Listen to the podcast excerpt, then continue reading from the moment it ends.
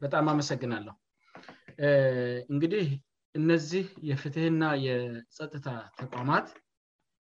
ተግባራቸውን በግባቡ የማይፈጽመው ከሆነና ከላይ ጠቃቅትናቸው ችግሮች በጣም የሚያጠቋቸው የሚታዩባቸው ከሆነ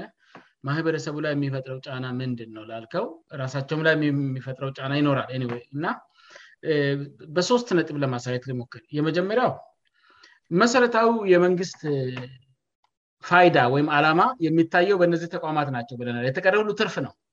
ማለት የተቀረ ሁሉ ትርፍ ነው በመሰረታዊነት የአንድ መንግስት ትንሹ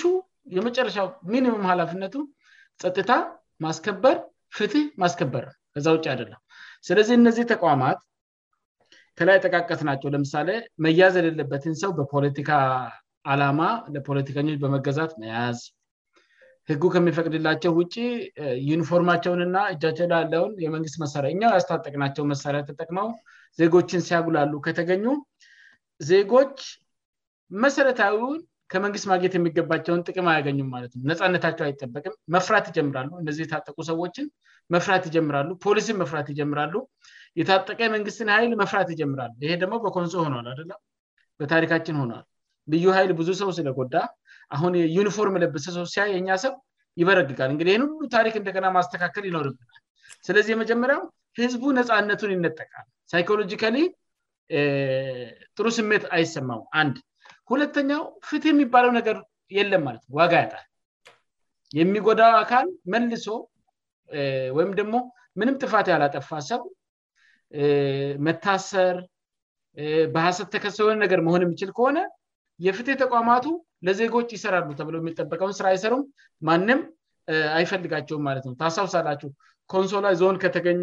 የተገኘ ሞመንት አካባቢ መሀል ላይ ለአንድ ዓመት ከምናምን መንግስት አልነበርፕትመንግስትድና ጀርባ ነው መንግስት ኮላስ አርጎነበር በኮንሶወንዴትም አድገው መንግስት ያለ ይመስ ኦዲት ራሱ መደረጉ ይጠራጠራሉ የዛነ ኮምፕሊት እኔ ያውቃሉ ገጠሩሉ ሲደውን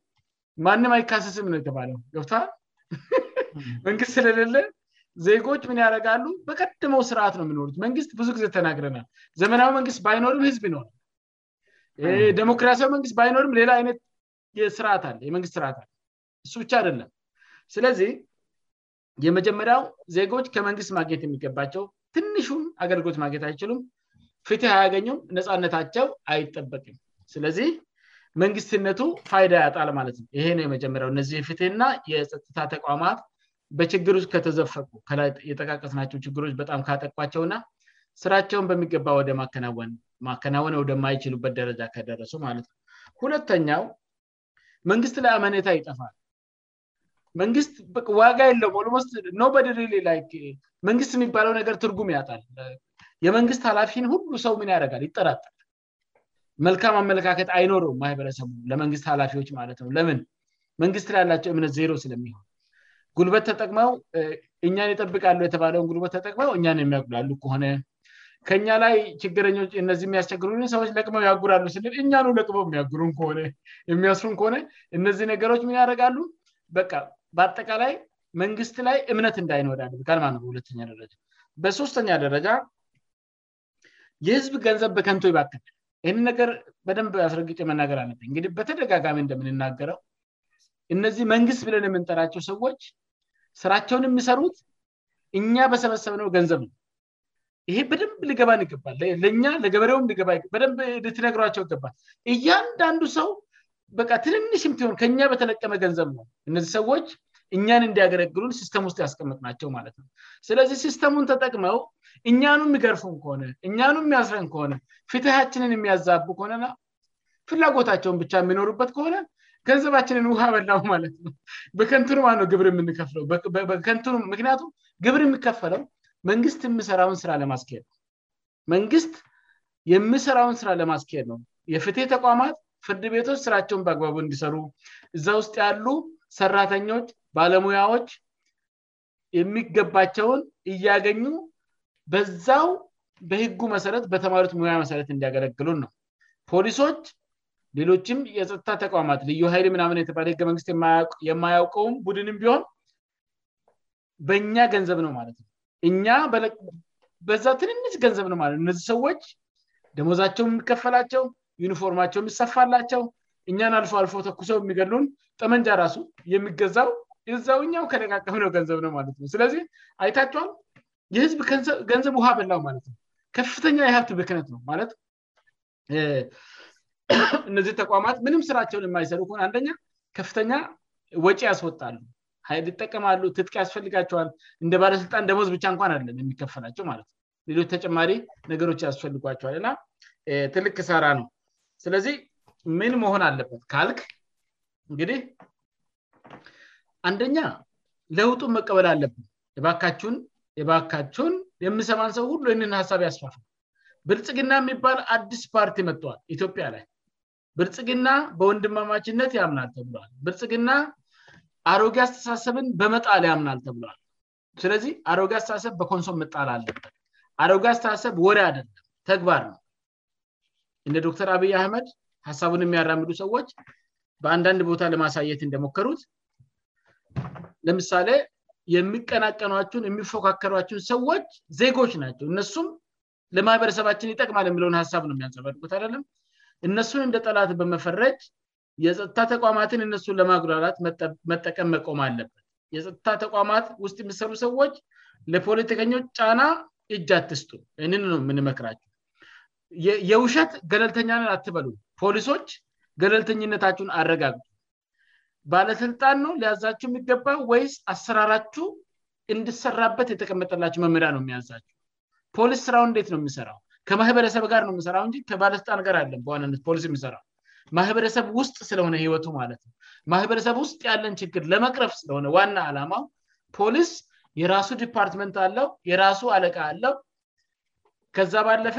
መመሪያ አለው እያንዳንዱ የፖሊስ መኮንን ማወቅ የሚገባው የሰለተ ነው ማለት አለቃን ላአስደሴት ማይደግ ይሰጠኛል በሚል ሳይሆን ለህ በመቆም ህጉን በማክበር እንኳን ተሸልመህ ነው ማረግህ ማድደግ ያለበት እንጂ ለፖለቲከኛ ና ለተሚ ያለህን ታማኝነት በማሳየት ተጨማሪ ምናምን ያገኛነው ላታስብ ለህልና ተገዛ ፈጣሪም ፍራ የተቀመጠልህን የህግ ድንበር አክብር ሌላ መድኒት የለ ማለት ሁሉም ሰው ወደ ህጉ ይመለስ ሁሉም ሰው በተለይ ህገ መንግስት የሚባል ህግ አለ የሁሉም ህጎች የበላ መንግስት ዜጎች ነጻ እንዲሆኑ ሀሳባቸውን በነፃነት እንዲገልጹ ኑሯቸውን አይኑሯቸው በሚያዛቸው መንገድ ይጠቅመናል በሚሉት መንገድ እንዲኖሩ ነፃ ደረጉ ይገባል ማህበረሰብ ውስጥ ችግር የሚፈጥርን ሰው ለማድረቅ ነው የእናንተ ሜና እንጂ ጤናማውን ሰው ለማሸበር ስላልሆነ ማለትነው ስለዚህ ሁሉም ሰው በተቀመጠለት የህግ አግባብ ውስጥ ለመንቀሳቀስ ይሞክር ራሳችሁን አብዴት አሉ አዳድስ ስልጠናዎችም ጠይቁ ማለት የብርጽግና ሀሳብ ምንድነው ምን ይለየዋል ከኢግ ከወያነ ኢህግ አስተሳሰብ በምን ይለያል እንግዲህ ስልጠና ያወሰደ ሰው ጥት ነው አደለም እነዚያውም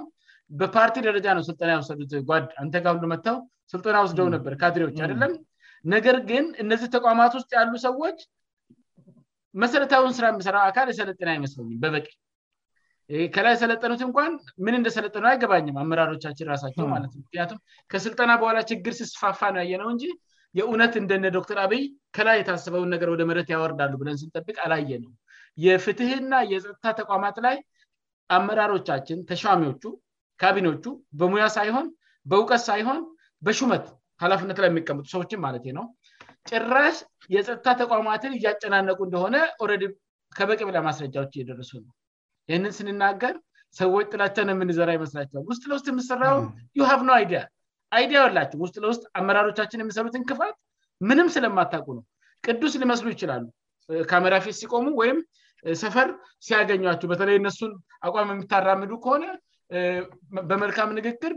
ጥሩ አይነት ፊት ሊያሳያቸሁ ይችላሉ በጓዳ ግን የሚያደርጓቸው ነገች ክፎች ናቸው ነገር ግን ዘንድሮ ምንም ነገር በጓዳ የሚቀር የሉ ምንም ነገር በስውር የተሰራሉ በአደባባይ እየተገለጠ ያለበት ዘመን ላይነን ያለ ነው ና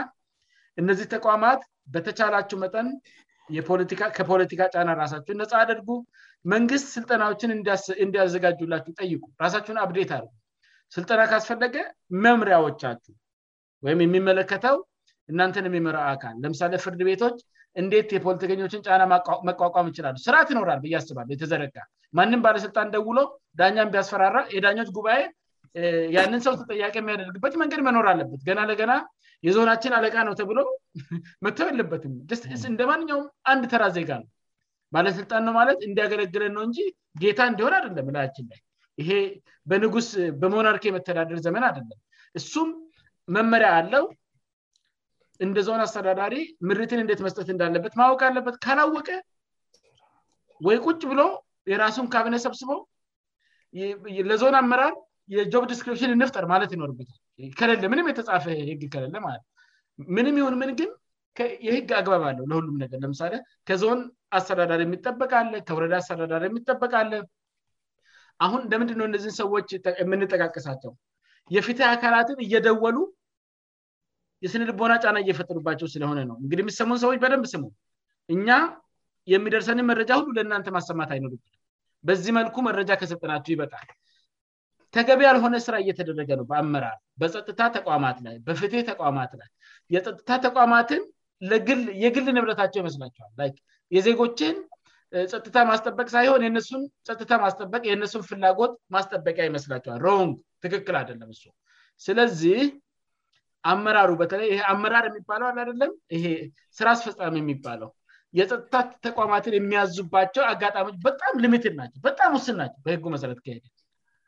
ከህዝቡ ጋር ነው የሚሰሩት ነዚህ ተቋማት ቅድም ተነጋግረናል ፖሊስ ከህዝብ ጋር ነው የሚሰራ ከህዝብ ጋር በሚሰራበት የሚፈጠሩ ችግሮችን ወደ አቀበ ህግ መጣ አበህግ ይሳል ፍርድ ቤት ጋር ይከሳል ተከሳሹ ጠበቃ ያቆማል እንዴትም ተከራክረው ፋይናል ፍርድ ቤቱ የሚወስነው ውሳ ተፈፃምነት ይኖረል እዚ ውስጥ ምን ያገባው ማለት የፖለቲካ ምራድ ምን ገባው ስጥ ምንም የሚያገባው ነገር የለም እንደው ላብካውና ላጨማልቀእና ወደ ራሴ ፍላጎት ነገሮችን ልጠምዝዝ ካልሆነ በስተቀርማለትነው ስለዚህ ከነዚህ የፍትህ ተቋማት ውጭ ያሉት የመንግስት ሴክተሮችን የሚመሩ መሪዎቻችንም ገደባችሁን አውቃችሁ በተሰጣችሁ የህግ ክልል ውስጥ ብቻ ተንቀሳቀሱ እነዚህ ሰዎች ላይ ጫና አታድርጉ እነዚህን ሰዎች አላግባብ አትጠቀሙ እስካሁንም እየተጠቅማቸኋቸው ከሆነ ሰዎቹም አውቀውም ይሁን ለጥቅምም ተገዝተው ይሁን ህልናቸውን ሽጠው ቢሆን እየታዘዟችሁም ከሆነ ካአሁን በኋላ ትክክል አደለም እናንተም ለህልናችሁ ብቻ ተገዙ የፀጥታ ተቋማትም ለህልናችሁ ብቻ ተገዙ አንዱ በሌላው ስራውስጥ ልቃ ይግባ የበላይ ነ የበላይ አዛዥ ነ የበላ ተቆጣጣሪ ነ በልብቻ ሁሉንም ማብካት አይገባም በቃ ለምሳሌ አንድ የዞን አስተዳዳሪ የወረዳ አስተዳዳሪ ለያዘው የሚገባውን ባለሙያ እንኳን ማዘዝ የለበትም በህጉ መሰረት የወረዳ አስተዳዳሪ ሊያዘው የሚገባውን አንድ ባለሙያ ከለያ የዞኑ እታች የሚያዝበት ምንም የዚህ ሰንሰነት ል ገና ገና እሱ ስልጣን ከፍ ያለ ነው ስለተባለ ብቻ ሊሆን አይገባም ሁሉም ነገር አሰራር አለው ዜጎች ነፃነታቸውን ልጠበቅላቸው ይገባል ሁሉም ስራ የሚሰራ ህዝብን የሚያገለግል ሰው በህዝብ ሀብት ሁሉ እያገለገለ እንደሆነ ሊገባው ይገባል ኑሯችሁን ቤታችን የምታስተዳድሩት እኛን በመምራት እኛን በማስተዳደር ከሆነ እንደ ህዝብ እኛን በማገልገል ከሆነ ለህዝብ ልታዝኑ ይገባል ፍላጎታችሁን ከማስቀደም ልክት ብዙ ጊዜ እንደምንናገረው ህዝባችንን አንደኛ ካደረጋችው የምሰሩት ሁሉ ለህዝብ ግልጽ እየሆነ ይሄዳል እንደዚህ አሻጥር ውስጥም መግባት አይኖርባቸሁም ብዙ ክፉ ነገሮች ውስጥም መግባት አይኖርባቸሁም ህዝብ ራሱ ከግናዜ ያረጋል የምትለፉትን ልፋት ህዝብ ራሱ እያበረታታው ሄዳል ማለት ነውእና ፍትህን ቦታውን እንደያዘ ይቀመጣል ህዝብም እርስ በርሱ አይጎዳዳል እርስ በርሱ እየተጎዳዳ መንግስት ለአንዱም ያደላ ከሆነ ኮ ጀስት በ ዜጎች ራሱ በነፃነት መኖር አይችሉም ስለዚህ ሁንዱም ሰው ለህልናውና በተሰጠው የህግ አግባብ ብቻ የስራ ነው መፍት በጭሩ ማለት ነው አመሰግናለሁ ይ እናመሰግናለን በጣም ብዙ አይነት ሀሳቦችን አንስትናል እና ጣትንሽ ደቂቃስበጣም ሀሳብ አለኝ ንሽ ቂቃስኝእና ሳይ በዛ አንድ ቂቃ ትንሽ ጨምር ብትል በጣም ወሳኝ ነው አሁን እሱ ከተናገረ ሀሳብ በህግ ደረጃ ለማስደገፍ ስለፈለግኝ እንግዲህ የኢትዮጵያ ህገመንግስት ነው የሚያንብላቸው የኢትዮጵያ ህገ መንግስት አንቀጽ 7ባ9ጠኝ የዳኝነት ስልጣን ይላል ይህን የምናገረው ለአስተዳደር አካላትእና ወደ ፍርድ ቤት ጠልቃለመግባት የሚሞክሩ ሰዎችን ለማስጠንቀቅ ያክል ነው ማለት አላቸው ህጉን ያነቡታል ግን እስኪለአበረታታቸው እንዲያነብ የኢትዮጵያ ህገመንግስት አንቀጽ ሰባ9ጠኝ የዳነት ስልጣን ንዑስ አንቀጽ አንድ ላይ ምን ይላል በፈደራልም ሆነ በክልል የዳኝነት ስልጣን የፍርድ ቤቶች ብቻ ነው ይላል በፈደራልም ሆነ በክልል የዳኝነት ስልጣን የፍርድ ቤቶች ብቻ ነው ይላል ንዑስ አንቀጽ ሁለት ላይ በየተኛውም ደረጃ የሚገኝ የዳኝነት አካል ከማነኛውም የመንግስት አካል ከማነኛውም ባለስልጣን ከማነኛውም ሌላ ተጽኖ ነፃ ነው ይላል ይሄ የሚያነብላቸው የኢትዮጵያ ህገመንግስት ነው አንቀጽ ሰባ9ጠኝ ንዑስ አንቀጽ ሁለት በየተኛውም ደረጃ የሚገኝ የዳኝነት አካል ን ሊሆንይላወረዳም ሊሆን ይችላል የተኛውም ቦታ ሊሆን ይችላል ዳኝነት አካል ላይ ባለስልጣን ማንም የመንግስት አካል የመግባት ተጽዕኖ የማድረግ መብት የለውም ይላል ስለዚህ ያስቀጣል ማለት ነው በሶስተኛ ደረጃ ዳኞች የዳኝነት ተከባራቸውን በሙሉ ነፃነት ያከናውናሉ ይል ከህግ በስተቀር በሌላ ሁኔታ አይመሩም ይላል ይሄ የኢትዮጵያ ህገ መንግስት አንቀጽ ሰ9ኛ የዳኝነት ስልጣን ውስጥ የተሰጠ በንዑስ አንቀስ ሶስት ውስጥ የተጻሃፈ ንትን ነው ስለዚህ ዳኞች የዳኝነት ተቀባራቸውን በሙሉ ነፃነት ያከናውናሉ ከህግ በስተቀር በሌላ ሁኔታ አይመሩም ይላል ሌለኛው ደግሞ ለዳኞች የምናገረው ምንድነው በዳኞች የዲስፕሊን ህግ መስረት ጥፋት ፈጽሟል ወይም ጉልህ የሆነ የስራ ችሎታና ቅልጥፍና አንሶታል ብሎ የዳኞች አስተዳደር ጉባኤ ስወስን በህግ በህገ መንግስቱ መስረት ተገቢውን እርምጃ ሊወስድ ይችላል ዳኛ ማለት ነው አንድ ዳኛ የሚጠበቅበትበትን ነገር ከመስራት የማይጠበቅበትን በፖለቲካ ጫና ወይም በራሱ ፍላጎት ንትን በማድረግ የሚሰራ ከሆነ በዲስፕሊን በዳኞች አስተዳደር ጉባኤ ህገ መንግስታዊ እንትን እንደሚወሰድበት ያሳአንድ ነገር ልበለጋር ከቅርታ ገር ማነው እንግዲህ ልባርጉ ባለስልጣናት አደ እርምጃ የሚወስዱት ዳኛው ላይ አሁንም የፍትህ ተቋም ውስጥ ያለ አመራር ነው ማለት ነው የዳኞች ጉባኤ ነው ዳኛው ራሱ ስተት ቢገኝበት ዳኛው ላይ የሚወሰነው ቅጣት የሚወስነው እዛው የፍትየ አስዳደር ጉባእን ፈጽሞው ስራ አስፈፃሚጋር ግንኙነት የለው ማለት ነውሱ አንድ ነገር ልጋሬ መስመሮቹ ለያያሉ ቦቹ ለያሉ በንባ ለያሉ የነሱ ው የአስተዳደር ውሃ የሚከፈተው የራሱ መስመር አለው የፍትሄ አካላት ደግሞ የራሱ መስመር አለ የምተጋገዙበት አለ የሆነ መንገድ የሚገናኙበት አለ ለህዝብ ነው የሚሰሩት የሆነ ነገር ላይ የሚመካከሩበት ሊኖር ይችላል ፍትህና ከንትን ውጭ ከዛ ውጭ የሚያገናኛቸው ነገር የለም ስለዛም ነው ከዚህ በላይ ማንም በምንም አይነት ሁታ ጣልቃ መግባት አይችልም ለው ነፃ ናቸው ከህግ በስተቀር በሌላ ሁታ አይመሩም የምለው ሌላው ደግሞ ምንድን ነው በጣም አስፈላጊ ስለሆነው የሚነግራቸው ምክንያቱም እነሱ ሊያውቁ ይገባል አላውቅን ብሎ ማለት አይቻልም ችም ሌላው የመጨረሻው ምንድንነው አንድ ሰላሳ ሰከንድ ነው የሚወስድ የመጨረሻው ምንድነው የሚለው ለምሳሌ አሁን በቅርቡ በቲቸር ገመቹ ላይ የተፈጠረው ነገር የህግ ስህተት ያለበትን ውማነኛውም የመጨረሻ ውሳኔ ከተገኘ የፌደራል ጠቅላይ ፍርድ ቤት ለሰበር ችሎት የማየት ስልጣን አለው ይላል ያ ማለት ምንድንነው እነሱ አሁን የተለያየ የሚቀ ለምሳሌ በስልጣናቸው በመጠቀም የድሮ ስርዓት በመጠቀም የሚያቀነባበሩት ነገር አለ ሰውየን ከሶ ለማስጠነቅ ቤተሰቡን ለማሰቃየት እሱን ለማሳሰቃየጥ የሚቀነባበር የሚሰራ ነገር አለን ይሄ ነገር የትም እንደማይደርስ ህገ መንግስቱ ይናገራል ህገ መንግስቱ አን እንኳን ተቀነባበረ የሆነ ቦታ እስከሚሆን ድረስ ብታደርሰው የህጉ ስህተት ያለበትን ማነኛውም ነገር ማናቸውም የመጨረሻ ውሳኔ ለማድረም የፈደራል ጠቅላይ ፍርድ ቤት በሰፐር ጅሎት ጣልቃ እንድምገባ ይናገራል ስለዚህ ለማጨረሱት ነገር ጣልቃ እንትን ማድረግ አላግባብ የሆነ ነገር መስራት ጥሩ አደለም ለህጉ መንግስቱ ተገዥ የሆነን በሚመለከተን ብቻ ነገር ሳይድ ይዘን እንድንሰራ ህገ መንግስቱ እንደምታያዩት የተወሰነ ብቻ ንወሰድኩት ያስረዳል ማለት ነው ስለዚህ አስተዳደሮቻችን ይህን እያያችሁ እየተረዳችው ብሰሩ ለእናንትም እንግዲህ ህግ ማመን አለባቸሁ ህግ የበላይ መሆኑን እርግጠኛ መሆን አለባቸሁ ከዛ ውጭ የት መንቀሳቀስ ስለማይሰራ ይህን ማክበር ይገባቸዋል ብዬያስባለሁ ስለዚህ ይህን ሀሳብ ሊጨምር ነው ቅርታ በጣም እናመሰግናለን በጣም ሰታችን ስለሄደ ነውእንዲህ ምንድ ማድረግ የምንችለው ምናባት እነዚህ ላችንም ልዩ ፕሮግራሞችን በስርክስር እያዘጋጀን ስለሆነ ምናባት ሀሳባችን በዚህ ውይት ላይ የማይበቃ ከሆነ ጊዜ በተለያየ አነት መል ስፔሻል ፕሮግራምአገን መቀጠል ስለምንችል የተገደበ ነገር የለው ማትነአሁ ዚጋ ብናቆምም በዚ ሁዳይ ላይ ለውጥ እስመጣ ድረስእና የተለያ ማህበረሰብ ስፈጠር ድረስ እ ማራችን እንቀጥላለን እንግችበጣም የማመሰግናቸው ስለሰጣቸውን አስተያየበጣ በእነበገንቢ የነ አስተያየት ነው የነሱትና ምባት ቅም ያላው ከነሳቸው ነገች አንድ ብቻበጣምሁሲያሳስበ ረብ ቻ እንጨርሳለንባ ባለፉት በተለይ ጎንሶ ህዝብ የመዋቅር ጥያቄ በመጠየቁ ት ጎንሶ ውስጥ የተፈጠረውን ነገር እናውቃለን እና ግን ከዛ በኋላ ሙንእንኳን መንግስት ዞን መጥ መንግስት ተደራጅቶ እንደገ ስራ በጀመረበት ጊዜ ራሱ ከተማ መህል ላይ ብዙን ጊዜ የፀጥታ አካላት በተለይ የልዩ ኃይል አንዳድ ፌራል ፖሊሶችእና ብዙ ጊዜ ይታያሉ በብዛት ማለት ነበተለይ መኪና እያሩአረጡ ምናዊእና ይሄ ነገር እውነት ለመናገር በተለይ ህፃናት ላይ የሚፈጥረው ጫና ቀላል አይደለም የሲነ ልቦና ይሄ የባለስልጣንን ልጅም ጭምር ያጠቃልላል ማለትነው ፍርሃት መደንገጥ ፖሊሲ መሸማቀቅ ወይምደህ ልዩ ይችን ሰውን የሚደበድቡ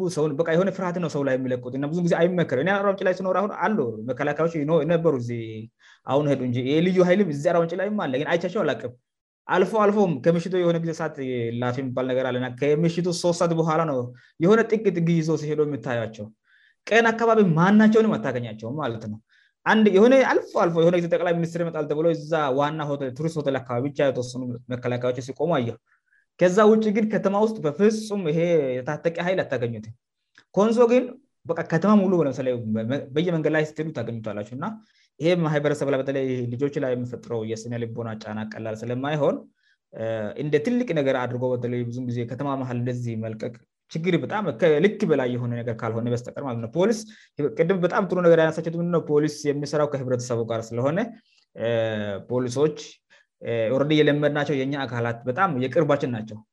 ሁሉ ጊዜ ደይሊ ስለምናገኛቸው አዳብት አርገ ናቸዋል ግን ልዩ ይል የታጠቂ ይል ደሞ እነዚህ ደግሞ ትንሽ እንፈራቸኋለን በተለይ ህፃናት ደግሞ ሲዩበተለይ ባለፈው ንሶ ጥቄ ጋርበተያያዘ ተፈጠረው ውስ እናውቃለን እና በተቻለ መጠ ይነገር ሚኒማይዝ ማት መቀነስ ብቻል ክሊክ ያለፈ ጸጥታ ችግር ካለን ለመስተቀር በከተማ መል ልዩ ሀይሎችን ዝም ብሎ ወይም የታጠቁ ይሎች እንወዳቸዋለን የሀገራችን ልጆች ናቸው ግን እንት ራሱ የሚፈቅድ ይመስለ ህጋቸው ራ ከተማ ማል ደ ዝም ብሎ እንዲቀመጡ የሚፈቅድላቸው አይመስለኝም እና ሱ በተለይ ህፃናት ላይ የሚፈጥረው የመደንገጥ የመፍርሀት ና ፍሩ ሆንብ ጊዜ ምናለ መሰላቸውእሱንም እነቅራቸዋለን ህ ህጉን እንትን ብለን እንደያውቁ እናደረጋቸዋለንብዙ ጊዜ በጣም ክልክ ያለፈተላይ ወጣ ያለ ወንጀል የሚሰሩ ሰዎች አባሪ እንደዛ ነገር ውስጥ የሚፈጠር ንድ ነው ብር ሊፈጠ የሚችለው ወንጀለኛ ሊሆነ የሚችለው ምክንያቱም ለወንጀል ለሚከላከል አል ጥሩ መ አደለምየሚቸውሩፊሊግ አይደለ የሚኖራቸው እና ከዚሁ ልጆቻችን ምን እያስተማርን እንደሆነ በደንብ ሊናውቅ ይገባል ማለት ነውእና ዛሬ እንግዲህ አድማጭ ተመልካቾቻችን ያወራንባቸው ሀሳቦች የፊት ተቋማትና የፀጥታ ተቋማት ሚ ናቸው ምንድው በሚሉ ጉዳዮች ላይ አንስተናል ዋና አላማችን ችግሮችን አሳይቶ ገዛ ማፍት ማበጀት ነው ህብረተሰቡን ማንቃት ነው ሰዎችን ማድረግ ነው እና በሌላ ጊዜ በሌላ ፕሮግራም እስከምንገናኝ የዛር ፕሮግራማችን እዚ ላይ እና በቃለን አስተያየት ካላችው ኢንርናሽን ቴሌግራም ላይ ቻናሎች አሉ ፌስቡክ ላይ ገጾች አሉ አሁን ደግሞ በቅርብ ጊዜ ሞ ወብሳይት ጭምር ስለምንጨርስ በማነኛውም አይነት መንገድ በሚመቻቸው መንገድ ሀሳብ እንድትሰጡ ናባት አንዳንድ ሰዎች ጆይን ማድረቅ አልቻልኩም የሚሉ አሉ ከውይይቱ ቀደም በላቸሁ ለኛ ቤታሳውቁ እንትኑ ለሁላችን ኦን ነው ማንንም የምንከለከልበት መሄድ አይደለም ሁሉም ሰው የንሶ ስለኮንሶ ያገባኛለ ል ማንም ሰውመው የምናገርበት መሄዳ ነውእናግን ከውይይቱ አሁ ክ እያወራን ያለ ከስር ማስገባት ስለሚያስቸግርን ከውይይቱ ቀደም ብላችሁ ከኛ ጋርጃነ ብታደርጉ እኛ ነገሮችን አመቻችትን በደንብ እናወራለን የዛሬውን ውይይት እዚ ላይ እናበቃለን ስለንዳመጣቸው እናመሰግናለን